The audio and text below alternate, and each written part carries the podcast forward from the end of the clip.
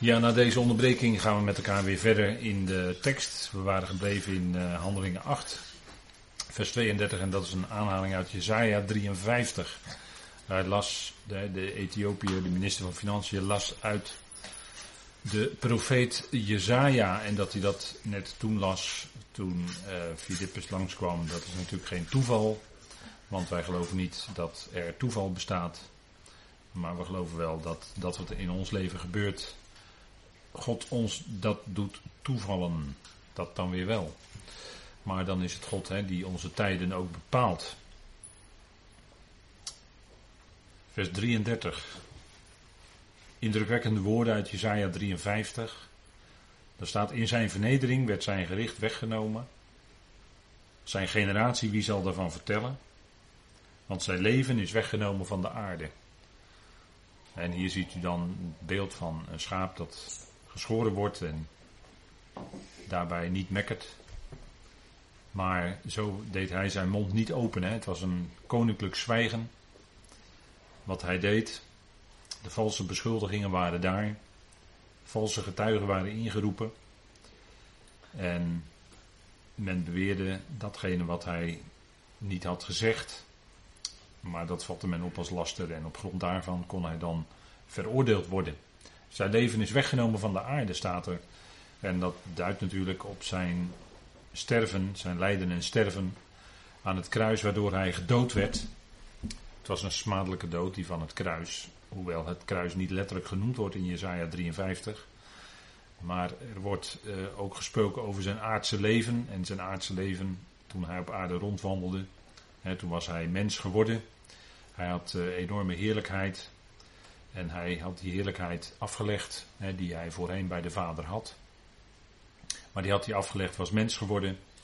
En leed te midden van zijn volk. Zoals Johannes 1 dat ook zegt. Hè. Hij kwam tot het zijne, maar de zijnen hebben hem niet aangenomen. Hij werd niet geaccepteerd door zijn eigen volksgenoten. Zelfs niet door zijn eigen, ja wat moet ik zeggen, halfbroers. Hè, letterlijk, halfbroers. Werd hij ook niet, uh, niet begrepen, niet geaccepteerd. Hij werd verworpen. Hij werd uh, door de leiders van het volk uh, in de hoek geduwd omdat hij een bedreiging was voor hun positie.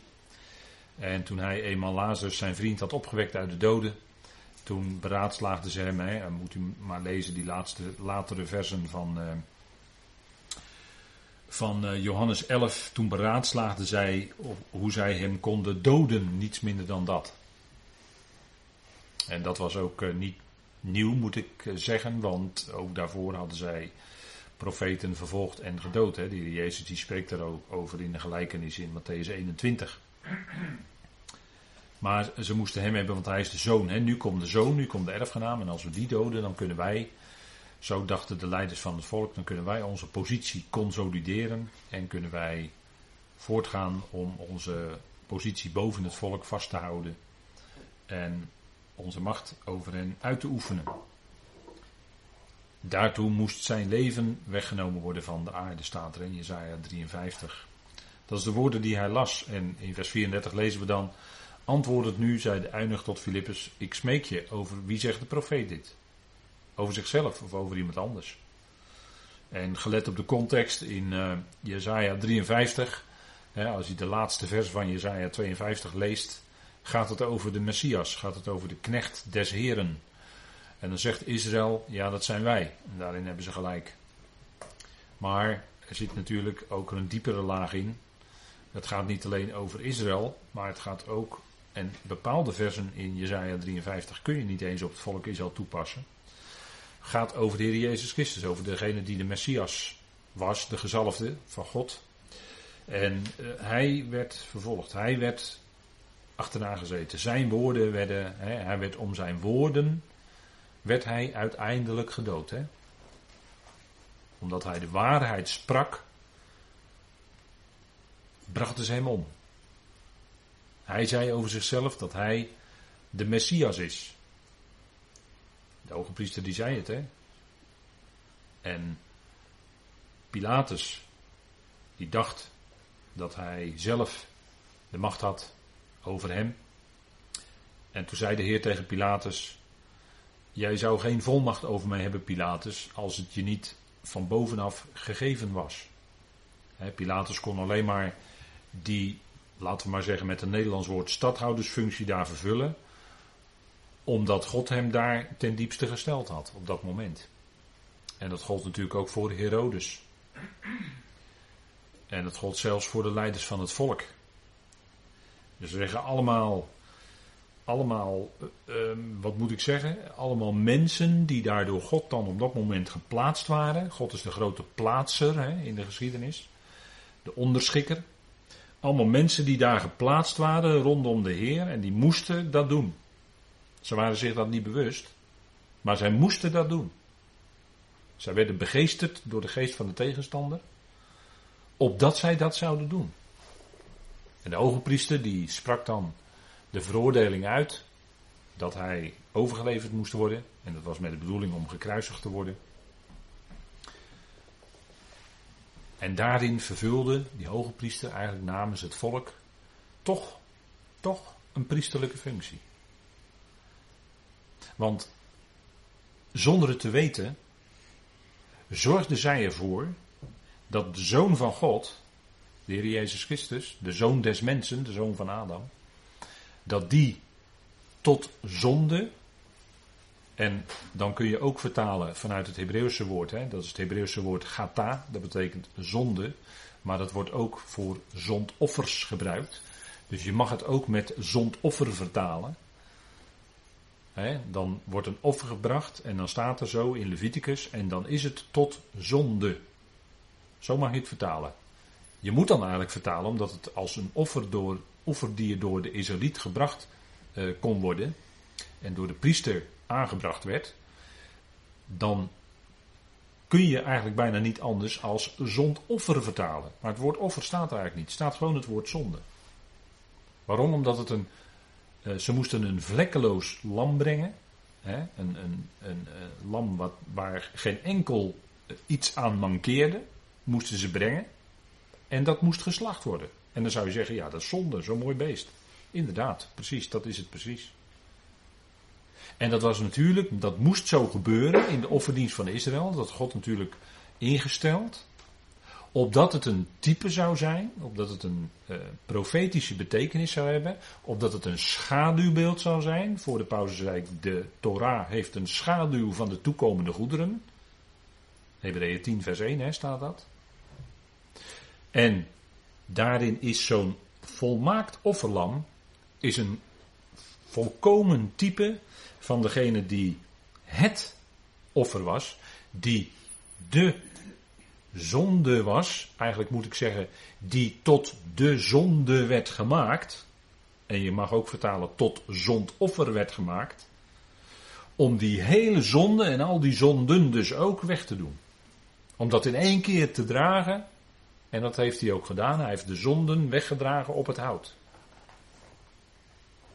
Zie het lam van God dat de zonde van de wereld wegdraagt, zei Johannes. Ja, klopt. Hij keek naar de Heer Jezus en toen zei hij dat. En daar gaat Jezaja 53 over. En al die actoren rondom de Heer Jezus, die werden daar geplaatst door God ten diepste, opdat zij dat werk zouden doen.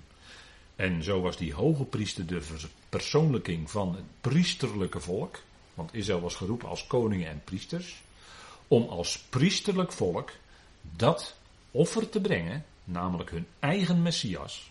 Wat het offer ook moest zijn, want het lam van God was tevoren gekend voor de nederwerping van de wereld, zegt Petrus.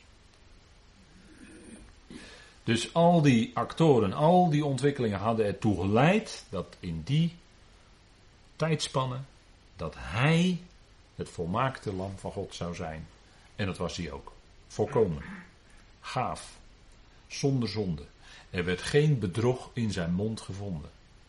Dat staat ook in Jezaja 53. We gaan het lezen met elkaar. We gaan zometeen heel Jezaja 53 met elkaar lezen.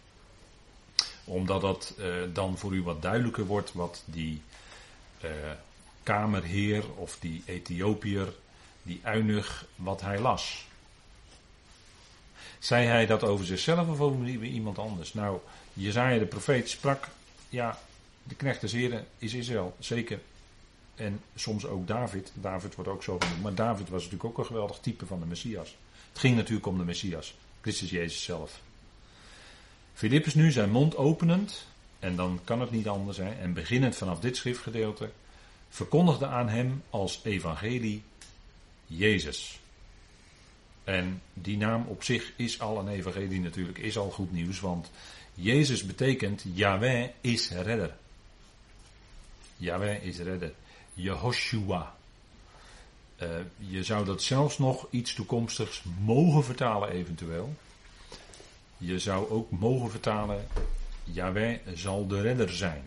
Dat zit heel dicht tegen de naam Jezaja aan, zit heel dicht tegen de naam Hosea aan. Heeft allemaal dat redder in zich dat, dat, uh, uh, dat zit ook in uh, het woord wat, wat afgelopen zondag, wat afgelopen zondag het thema was, dat God redder is. In dat woord redder, redder daar zit ook in dat, het, dat die redding van God komt. Kijk, dat woord redder begint in het Hebreeuws met de letter mem, dat is de M, de driepoot. En die letter meem, dat betekent, dat is een voorzetsel in het Hebreeuws. In het Hebreeuws is dat altijd één letter. Bijvoorbeeld de letter beet betekent in als voorzetsel. En de letter meem betekent vanaf als voorzetsel. Dat wil zeggen dat die redding die komt vanaf die ene, dat is God. God is redder. Geweldig hoofdthema van de schrift. Hè? Nou, in Jezus wordt dat werkelijkheid. Jehoshua, Yahweh is redder. Heel de schrift spreekt van hem. Ik ben. Als de Heer Jezus zegt ik ben, dan zegt hij in feite de naam van God. Hè? Ik ben. Yahweh is ik ben. Ik ben het licht van de wereld. Ik ben de opstanding en het leven. Ik ben het brood van het leven. En toen Shaul, dat gaan we in Handelingen 9 zien, toen Shaul hem ontmoette op weg naar Damascus, ik kan beter zeggen andersom, toen hij Shaul ontmoette op weg naar Damascus, toen zei hij tegen Shaul, tegen Saulus, ik ben, ik ben Jezus die jij vervolgt. Dus daarin hoorde in feite Saulus die naam van God al doorkomen. En toen kon hij niet meer anders. Toen kon hij zeggen, ja wie bent u hier? En zei de Heer tegen hem, ik ben Jezus die jij vervolgt dacht een ijveraar voor God te zijn, maar intussen vervolgt hij Jezus. De ik ben. Ik ben, ja, de Heer Jezus zei, ik ben de opstanding en het leven, zei hij toen hij zijn vriend Lazarus uit de doden opwekte. Was natuurlijk geweldig, want voor de vrouwen en voor eh, Lazarus was toen direct duidelijk dat hij het was. Niet alleen de opstanding, maar hij zal ook blijken te zijn het leven. Voor alle mensen. Daarin zit eigenlijk verscholen, in die uitspraak zit eigenlijk verscholen dat niet, niet alleen heel de mensheid ooit zal opstaan, want dat gebeurt voor het overgrote deel bij de grote witte troon. Maar daar zit ook in verscholen dat hij ook allen zal levend maken. Hij is niet alleen de opstanding, maar ook het leven. Dat is geweldig, hè, zo'n uitspraak. En dat, dan zegt hij steeds in het Grieks ego eimi. Heel nadrukkelijk, twee keer ik. Door dat ego benadrukt hij dat heel erg door te zeggen ik, ik ben. dat is in het, in het Hebreeuws eigenlijk uh, ani of anochi. Ik, ik ben. Ik ben het. Hij is alleen werkelijk de redder. Yahweh is redder. En dat doet hij door zijn geliefde zoon. En Jezaja 53. Je zou ook Jezaja 52 kunnen lezen. Je zou ook Jezaja 42 kunnen lezen. En dan gaat het over de Messias. Dan gaat het over de Heer Jezus Christus. Troost, troost mijn volk. Wie is de trooster van Israël? Dat is Hij. Kijk, en dan gaat die schrift leven. Als niet blijkt uit de schrift dat het om Hem draait, dan heb je wel de schrift, maar dan is het niet levend. Het woord wordt pas echt levend als het over Hem gaat die het leven is. En eh, dat is natuurlijk ook in ons leven gebeurd. Hè? Misschien kenden we wel vanuit de traditie verstandelijk wie Jezus was. Maar het werd pas werkelijkheid toen het levend voor ons werd. Toen het een levend geloof werd. Toen Hij daadwerkelijk in ons leven kwam, in ons hart en leven daar bracht. En toen hij opgewekt werd uit de dood, toen hij levend werd gemaakt, heeft hij leven en onverderfelijkheid aan het licht gebracht. 2 Timotheus 1, hè? En dat is iets geweldigs, want dat, en dat staat daar niet in, in, een, in een verleden tijdsvorm, dat staat daar in die aorist. Hij heft de dood op. Dat is een, dat is een, dat is een feit. Dus dat betekent, zolang er nog dood is, is hij, is hij, gaat hij die opheffen. Pas als die dood weg is, dan is die uitspraak ten volle werkelijkheid geworden. En, en zo spreken de profeten er ook over. Hè? 1 Korinthe 15. Ho, uh, de profeet Hosea wordt daar geciteerd. 1 Korinthe 15. Dan zal het woord, en dan staat er worden. Dood, de dood is verzwolgen in de overwinning. Dood, waar is uw prikkel? Nee, die dood die zal moeten wijken voor leven. God zal leven geven aan ieder. Nou, dat is natuurlijk een geweldige boodschap. En, en dat heeft Paulus natuurlijk mogen verkondigen als geen ander. En, en dat is natuurlijk waar we.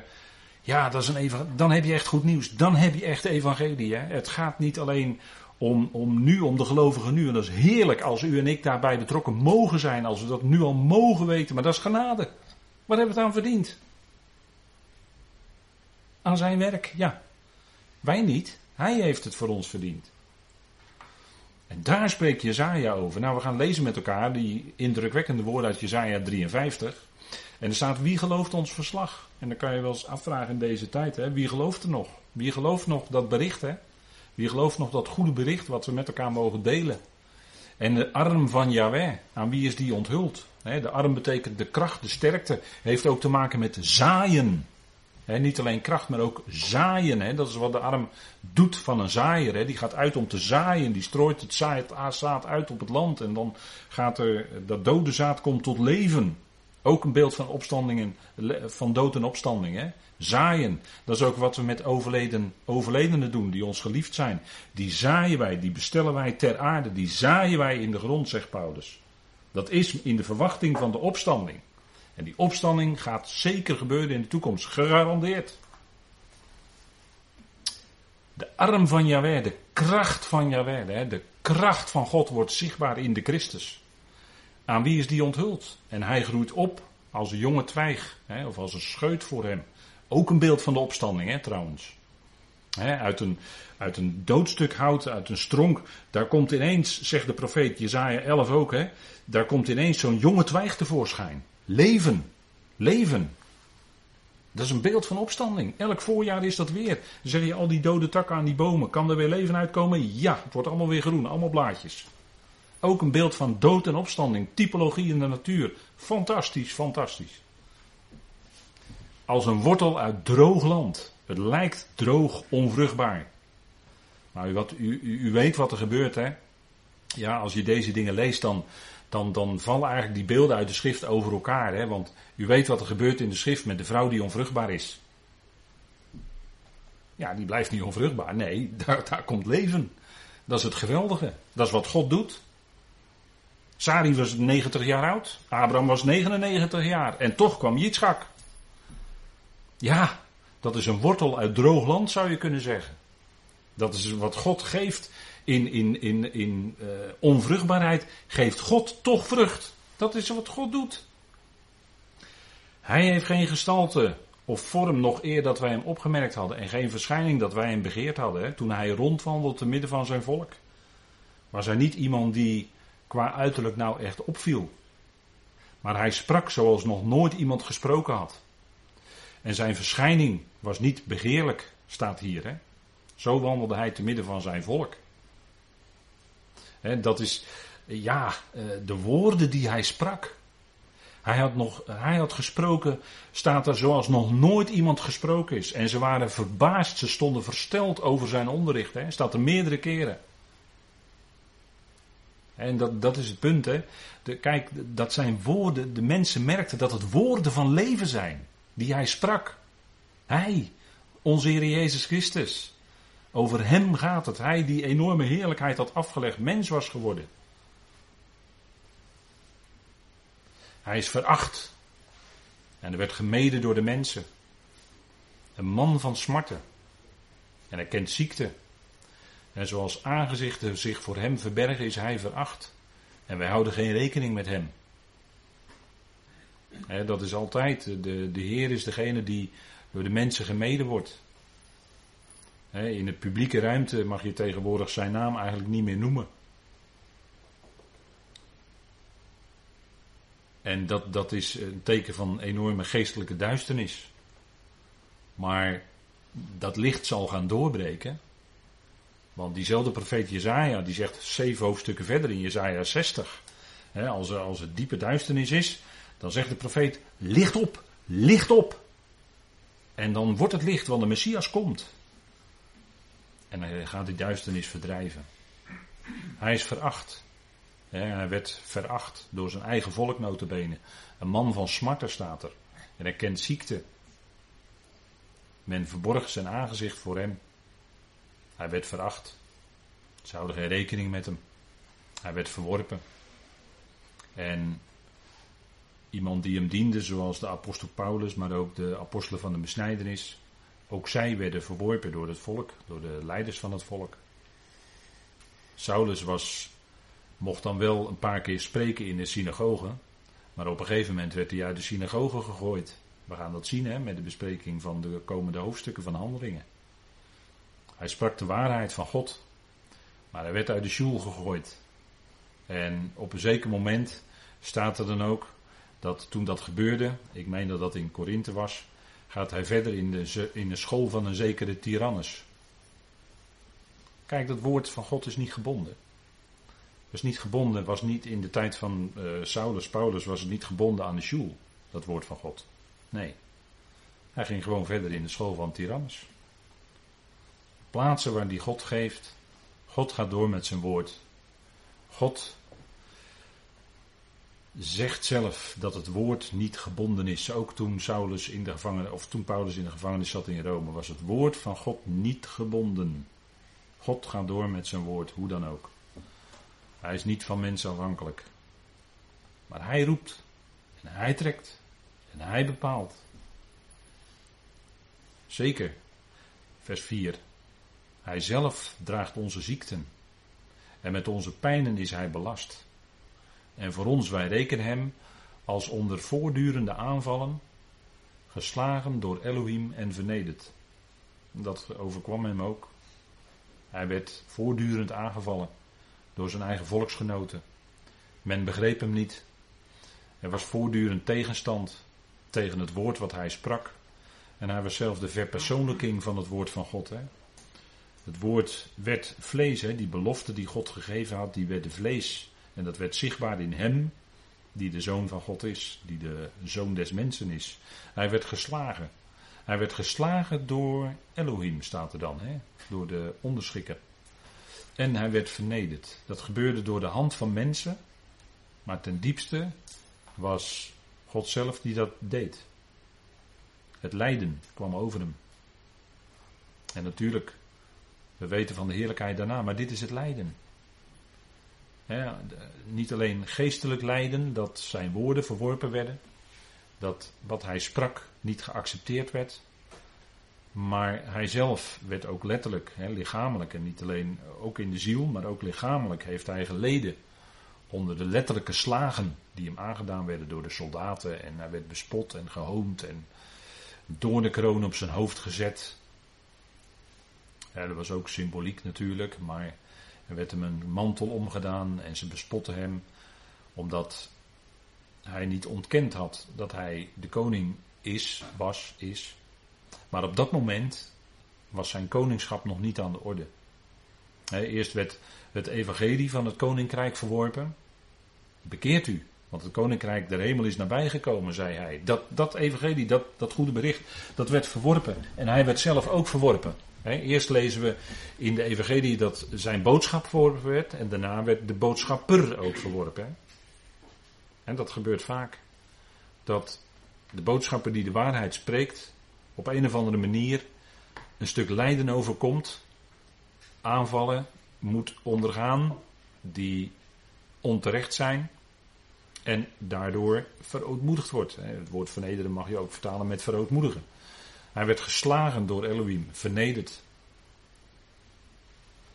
Hij werd verwond om onze overtredingen en vermorzeld om onze slechtheden. Of verdorvenheden kan je ook vertalen.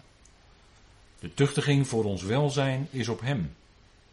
En door zijn striemen komt genezing en heling voor ons. Kijk, de Hebreeën schrijver die zegt dat als wij zonen zijn, dan moeten wij er niet gek van opkijken als de Heer ons in een positie van vernedering brengt. De Bijbel noemt dat dan eh, voor ons misschien wel met een zwaar woord tuchtiging. Maar God behandelt ons als zijn zonen. En dan moeten wij er ook niet gek van opkijken als ook wij een stuk vernedering en verootmoediging, een stuk tuchtiging moeten ondergaan. De zoon zelf met een hoofdletter, die is enorm getuchtigd, vernederd, verootmoedigd geworden. Door wie? Ten diepste door God zelf. En natuurlijk door middel van, maar ten diepste door, toch door God zelf. Een vader tuchtigt zonen, zegt Hebreeën 12. En het is opdat wij beseffen in ons leven, hè, dat is één van die dingen, één van de uitwerkingen daarvan, want we kunnen natuurlijk een hele serie uitwerkingen daarvan noemen, maar één van die uitwerkingen daarvan is dat wij te meer ons bewust zijn dat we volledig in alles afhankelijk zijn van Vader. We zijn ons dat niet bewust omdat we dingen zo gewend zijn. We kunnen wandelen, we kunnen, hè, de meeste van ons kunnen gelukkig lopen. Niet, niet allemaal, helaas, maar kunnen ons bewegen. We kunnen ademhalen. Besef dat dat alles door God je gegeven wordt. Iedere ademhaling is van Hem. Ten diepste. Dat beseffen we niet altijd, want we nemen het zo vanzelfsprekend aan en dat, en dat is ook goed. Maar dank God voor wat, het leven wat hij je geeft. Dank God voor elke dag die je van hem ontvangt. En natuurlijk, de dagen zijn vaak moeilijk, moeizaam. Als er lichamelijk lijden is. Ik wil daar nooit te makkelijk over spreken, want dat kan geweldig moeilijk zijn. Uren kunnen als dagen duren dan in zo'n situatie. Dat kan geweldig moeilijk zijn.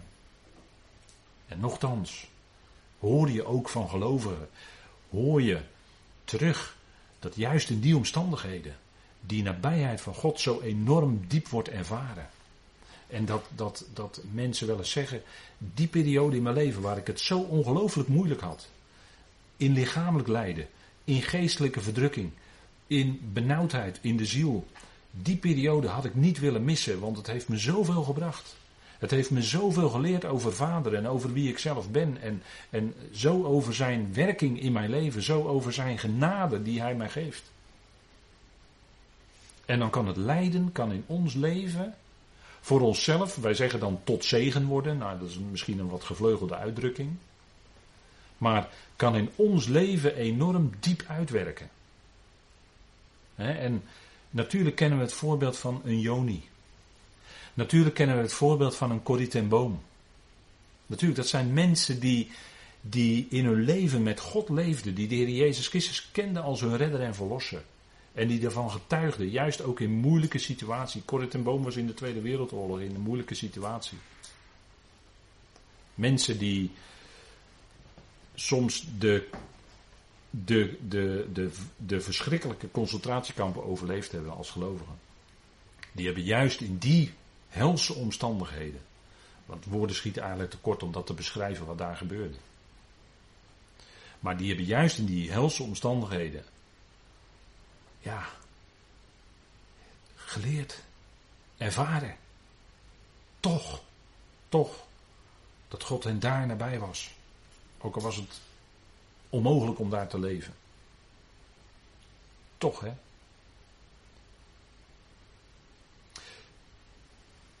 Goed, we lezen verder in vers 6. Wij dwaalden allen als een kudde af.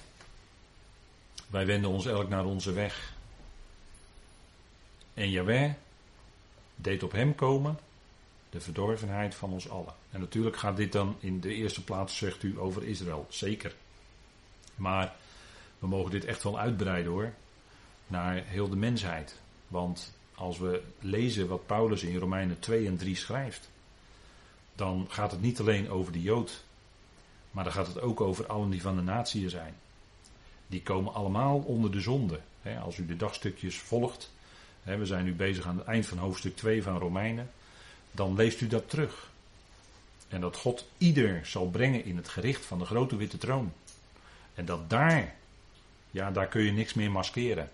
Daar kun je niks meer, daar kun je nergens meer achter verbergen. Nee, dan gaat het licht van God ten volle op je leven schijnen. En dan komt het allemaal aan het licht. dat zal bij die grote witte troon gaan blijken.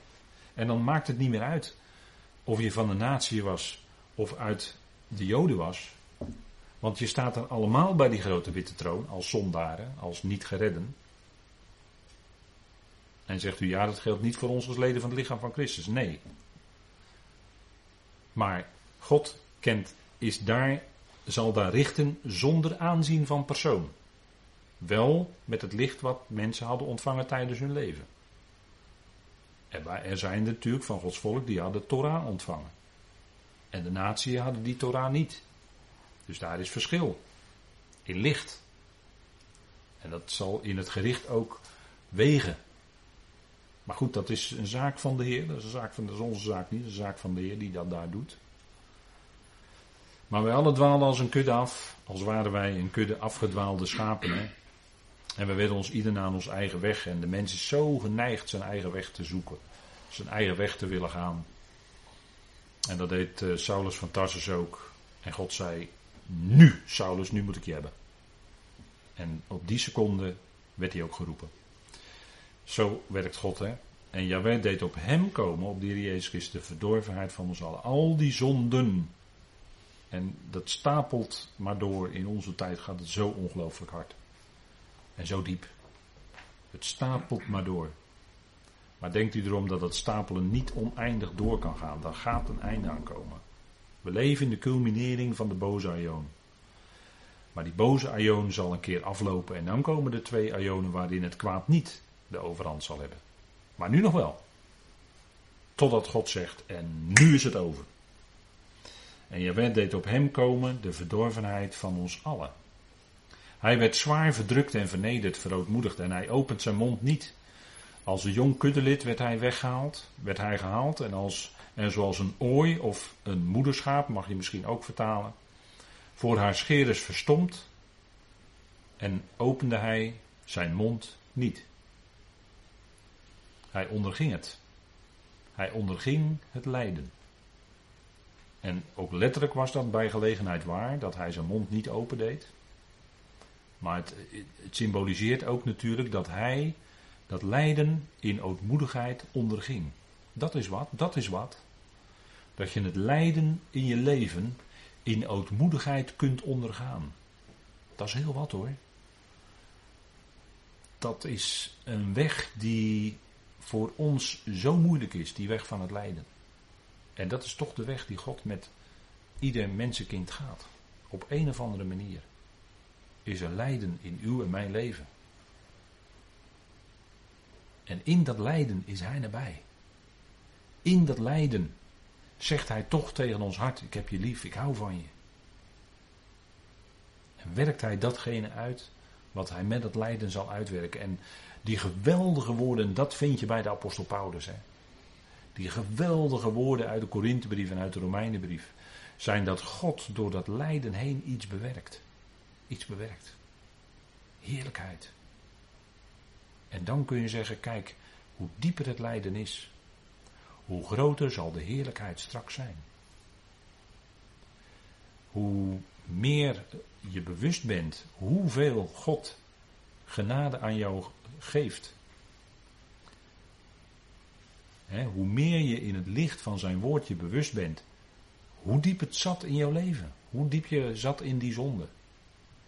Hoe meer zul je God dankbaar zijn als je ervaart dat het nu genade is, dat Hij je alles, alles, alles van alles gerechtvaardigd heeft. Niet vergeven, gerechtvaardigd. En dat is geweldig, hè? Dat je dat tijdens je leven als gelovige ga je dat steeds meer beseffen. Vader, het is onvoorstelbaar hoe diep u mij lief heeft. Want ik ga steeds meer in het licht van uw woord zien hoe het vroeger in mijn leven was. Hoe, hoe ver en hoe diep ik in de zonde zat. Maar daarvan heeft u mij gerechtvaardigd. Het is ongelooflijk. Om niet. Om niet. Ja, dat is, dat is natuurlijk geweldig. Van belemmering, vers 8, en van gericht werd hij genomen, want hij moest, om ons die genade te kunnen geven, waar ik het net over had, moest hij deze weg gaan, hè? de Heer Jezus Christus. Door de diepte heen, door de diepste diepte heen. Van belemmering en van gericht werd hij genomen en in zijn generatie. Wie denkt daarover na? Zijn generatiegenoten hadden niet door wie die werkelijk was. Als ze het door hadden gehad, hadden ze hem direct koning gemaakt. Want hij werd afgezonderd van het land van de levenden. En de vertalingen zeggen hier ook, hij werd afgesneden. Dat, is, uh, dat zou ook kunnen. En, en dan eh, moet je ook denken aan Daniel 9, hè, de afsnijding van de Messias. Om de overtreding van mijn volk is hij naar de dood geleid. Hier gaat specifiek over Israël. En in dat hem ter dood brengen, beging het volk Israël ook een enorme zonde, de allergrootste zonde. En wat was het antwoord van God daarop, op die allergrootste zonde? Dat God hem opwekte en levend maakte uit de dood. Dat was het antwoord van God. Liefde dus. Liefde. Ja, dan zegt u ja, daar ben ik sprakeloos van. Ja, zeker, terecht. We zijn sprakeloos. Als we deze dingen iets tot ons door laten dringen, dan zeggen ja, wat heb ik nu nog te zeggen als mens? En men gaf hem met de slechten zijn tombe en met de rijke is zijn graf. Jozef van Arimathea, u weet het wel, een nieuw graf. Als type van, als een uitbeelding al van het feit dat hij zou opstaan uit de dood als eerste van die nieuwe mensheid, van die nieuwe schepping. Een nieuw graf, een nieuw uitgehouden graf. Dat was natuurlijk tekenend dat dat er zo staat. Er staat geen woord te veel en te weinig in de schrift natuurlijk, dus daar moet je over nadenken. Jozef van Arimathea. Hoewel hij niets verkeerd deed en in zijn mond geen bedrog was. Moet je nagaan. Hij sprak altijd datgene wat juist was, wat waar was. In zijn mond werd geen bedrog gevonden. Dat is, dat is zo'n schril contrast, zegt u misschien wel, met de politici van vandaag de dag. Zeker, zeker, zeker. Zeker. Dat, dat accentueert alleen maar hoe geweldig het bij de Heer was. En in zijn mond was geen bedrog. dat wordt geciteerd door Petrus in zijn brief. Dus over zijn lippen kwam nooit iets waar ook maar iets van bedrog in zat. Dat, wat geweldig is dat, hè? Wat geweldig is dat. Zo zuiver was de Heer. Zo zonder zonde. Zelfs over zijn lippen kwam geen enkel onvertogen woord. Kijk, dan is het echt een volkomen lam. Wat ter slachting wordt geleid. Hè. Dat, is, dat is zo diametraal staat het op elkaar, zou je op het eerste gezicht zeggen. Iemand die zo zonder zonde was. Iemand die zo geweldig leefde en het goede met de ander voor had. Mensen genas en, en noem alles maar op. Geen onvertogen woord kwam over zijn mond. Ja, hij was wel heel fel en heel scherp in zijn discussies met de schriftgeleerden en fariseeën. Maar dat kwam omdat hij aan de tradities van de vaderen vasthingen en daardoor het woord van God krachteloos maakte. Daarom was hij zo scherp met zijn woorden. Maar dat was wel de waarheid die hij sprak. En dat contrasteert zo met het feit dat, ja, hoe kan het nou dat zo'n vlekkeloze, dat die dan juist geslacht moest worden, dat die juist in die dood moest gaan. En wat voor een dood? Een smadelijke dood, de dood van het kruis. Dat maakt een einde aan, aan al dat menselijke. Dat maakt een einde aan al dat vlees, aan al dat gedoe. Daarvoor was het kruis natuurlijk. En die boodschap van het kruis, het woord van het kruis, is niet populair onder gelovigen, is niet populair onder christenen. Waarom niet? Omdat het een einde maakt aan het menselijke vlees. Al wat wij denken, menen zelf te kunnen en zelf voor elkaar te kunnen boksen en te kunnen presteren of te proberen of hoe je het ook maar zeggen wil. Vroom of niet, religieus of niet. Het maakt allemaal niet uit. Het gaat allemaal aan de kant door het kruis. Al dat menselijke, al dat vlees gaat allemaal mee. En dat is, dat is natuurlijk de, de geweldige boodschap die je alleen bij de apostel Paulus leest. Ik herhaal, die je alleen bij de apostel Paulus leest. Die boodschap van het kruis, want die is zo diepgaand. Die vind je niet bij de apostelen van de besnijdenis. En daar waar het vlees van de mens nog graag een rol wil spelen, misschien heel vroom, daar sluit men zich maar al te graag aan bij de apostelen van de besnijdenis. Ja, want daar wordt de boodschap van het kruis niet gepredikt. De diepe doorwerking van het kruis in het persoonlijke leven van de gelovigen. Kijk, zo, zo leer je gaandeweg door de jaren heen naar die dingen kijken. Dat is geestelijk naar de dingen kijken. En het moest heel diep gaan. En daarom kan het ook best zijn dat het in ons leven heel diep gaat. Vers 10. Hè? En Jaweh, het behaagt hem. Het behaagt het hem te. Ja, dat woord. Dat Hebreeuwse woord kun je toch bijna niet anders vertalen als verbrijzelen of vermorzelen. Sorry, maar dat is nou eenmaal wat er in het Hebreeuws staat. En Jaweh, het behaagt. Hij behaagt het hem te vermorzelen. Die smadelijke dood aan het kruis. En dan kun je zeggen, hoe kan God daar nu behagen in hebben? Nou, omdat die geweldige resultaten zo enorm zullen zijn. Die heerlijkheid, die vrucht daarvan, die zal zo enorm zijn. Daarom behaagde het hem om dat zo te doen. Hij maakt hem verwond, staat er dan. In de vertalingen staat onterecht, hij maakte hem ziek. Dat staat er niet. Staat er niet. Sorry, maar dit, dit is wat het Hebreeuws aangeeft. Hij maakt hem verwond. En het woord wat er staat heeft te maken met doorboren. Doorboren. En dat is wat de speer, weet u wel, deed. Hè? En hij maakte hem verwond, zou hij zijn ziel stellen als schuldoffer, zo zal hij zaad zien. Hij zal dagen verlengen, en daarin wordt ook gehind op de opstanding van Christus. Hij zal dagen verlengen en het welbehagen van Yahweh zal in zijn hand floreren. Dat, is natuurlijk, dat was natuurlijk tijdens zijn aardse leven was daar het nodige van zichtbaar. Maar denk erom dat het in zijn opstanding en levendmaking nog veel meer ten volle gaat doorwerken, hè, dit. Dan zie je de diepte van wat Jezaja hier heeft gesproken en wat Jezaja zelf waarschijnlijk niet vermoedde. Zie je terug, hè. Van de arbeid van zijn ziel zal hij licht zien en hij zal tevreden zijn in zijn kennis. Vers 11. Mijn rechtvaardige dienaar zal velen rechtvaardigen en met hun slechtheden zal hij zelf belast worden. Kijk, strikt genomen, hier staat zal velen rechtvaardigen. Strikt genomen kent het Hebreeuws niet een woord voor allen, zoals we dat ook in het Grieks kennen. Maar de strekking van het woord velen uh, is als je de Hebreeuwse schriften nagaat, de strekking ervan is in feite toch allen. En hier staat dan in feite, maar bij Paulus wordt het natuurlijk in Romeinen 5 wordt het ten volle duidelijk hè, dat door Adam, hè, door Christus, in Adam in Christus, hè, Adam Christus, allen gerechtvaardigd. Allen zullen als rechtvaardig ingezet worden. Mijn rechtvaardige dienaar zal velen rechtvaardigen en met hun slechtheden zal hij zelf belast worden. Daarom zal ik aan hem toedelen onder de velen.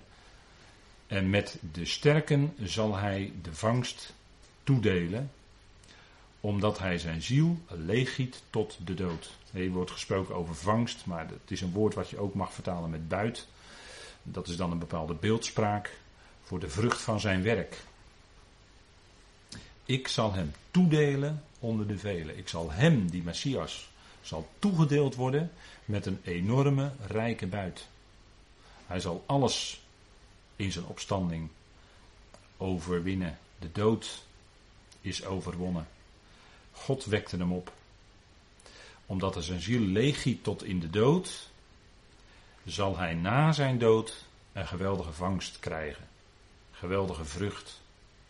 Geweldige buit. dat is dan mooie beeldspraak. En hij wordt met de overtreders gerekend. En hij draagt zelf de zonde van velen. En voor de overtreders zal hij voorbeden doen. Dat heeft hij ook gedaan aan het kruis. Hè? Vader vergeef het hen. Want ze weten niet wat ze doen. En ze wisten ook niet wat ze deden. En vandaag de dag zijn er ook heel wat mensen die niet weten wat ze doen. Ten diepste. Die vanuit een bepaald planmatigheid werken. Maar ten diepste weten ze niet wat ze doen. En wat kun je dan doen? Je kan alleen maar voor ze bidden.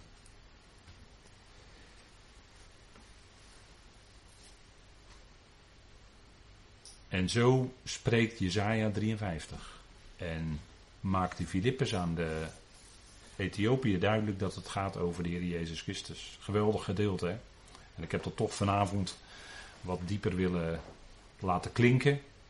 Om die, het indrukwekkende van die woorden van Jezaja 53 voor u te melden. En dan zegt die Ethiopiër, terwijl ze nu verder gingen over de weg, kwamen ze bij wat water. En de uinig verklaarde, zie water, wat belet mij gedoopt te worden. En dat is natuurlijk helemaal logisch. In, in de lijn van het koninkrijk was dopen heel gebruikelijk. Dopen in water heel gebruikelijk in Israël. En, en dat hoorde er ook bij. Hè? Wie, uh, dat zijn Marcus 16 vers 16. Wie geloofd zal hebben en gedoopt zal zijn, die zal gered worden. En die tekst die wordt vaak op een bepaalde manier gebruikt. Maar zet je dat even in zijn context, in zijn juiste tekstverband, dan gaat het daar over het koninkrijk. Wie geloof zal hebben in de Messias en gedoopt zal zijn in water, die gaat het aardse koninkrijk in. Dat is die redding daar. Even goed verstaan. Hè? En dat gebeurde ook in Handelingen 2. Dan zie je dat de mensen zich omkeerden en zij beleden hun zonde en, en hun zonden werden vergeven en ze werden gedoopt in water en, zo, en, en de Heilige Geest kwam op hen. En een grote verschil met vandaag is dat wij één doop kennen. En die ene doop uit Efeze 4 is de doop in de geest.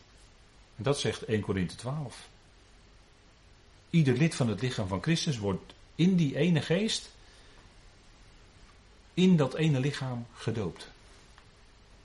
In één geest. Dat is het element, om het zo maar te zeggen. Je moet altijd kijken waarin wordt gedoopt. Is het in water? Het kan ook zijn in de wolk of in de zee. Maar het kan ook zijn in de geest. En voor ons als leden van het lichaam van Christus is, wij zijn in die ene geest gedoopt en daardoor lid van het lichaam van Christus. 1 Korinthe 12 vers 13. Dat is het fundament. En daarom is er in deze tijd maar één doop. Niet die in water, maar die in de geest. En dat is niet een aparte ervaring, maar dat is op het moment dat je tot geloof komt. Dat is het fundament. Goed, het is eh, de hoogste tijd. We gaan met elkaar stoppen. Ik wil graag afsluiten met een dankgebed. Vader, we danken u dat we weer een moment stil konden staan bij dat woord van u. Wat zo geweldig spreekt over het diepgaande lijden wat u Heer overkwam als de Messias. En vader, we danken u dat dat lijden geweest is en dat wij daarvan de vrucht zijn. Dank u wel, vader, voor de enorme heerlijkheid die uw zoon nu heeft en dat wij dat erkennen. Dat evangelie van de heerlijkheid van Christus. En daarin zien we wie u bent, vader. We danken u daarvoor. We danken u dat het een diep lijden heeft gekost van de zoon. En dat dat gebeurd is. Het diepste lijden was op Golgotha. De dood van het kruis. Dat is zo diepgaand, vader. En u onderwijst ons in de loop van de jaren wat het betekent in ons leven persoonlijk. Vader, dank u wel dat we zo vanavond bij deze dingen mochten stilstaan. En zo zien we dat een schriftgedeelte dat spreekt over geschiedenis, hoe dat ging met Filippus en de Ethiopiër die nieuwsgierig was wat de schrift betekent. Vader, zo heeft u ook ons hart gewekt om te onderzoeken, te willen weten hoe zit het, wat staat geschreven. En dank u wel dat u ons zoveel rijkdom heeft gebracht.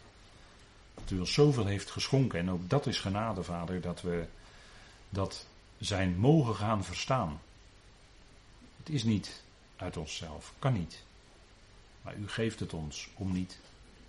Vader, het is rijk, het is veel. En ja, vader, als we deze dingen met elkaar overwegen, dan is het zo enorm dat we mogelijkheden hebben om met dat woord van u bezig te zijn en ons daardoor te laten opbouwen, verrijken. Dank u dat u aan ons lijden nabij bent.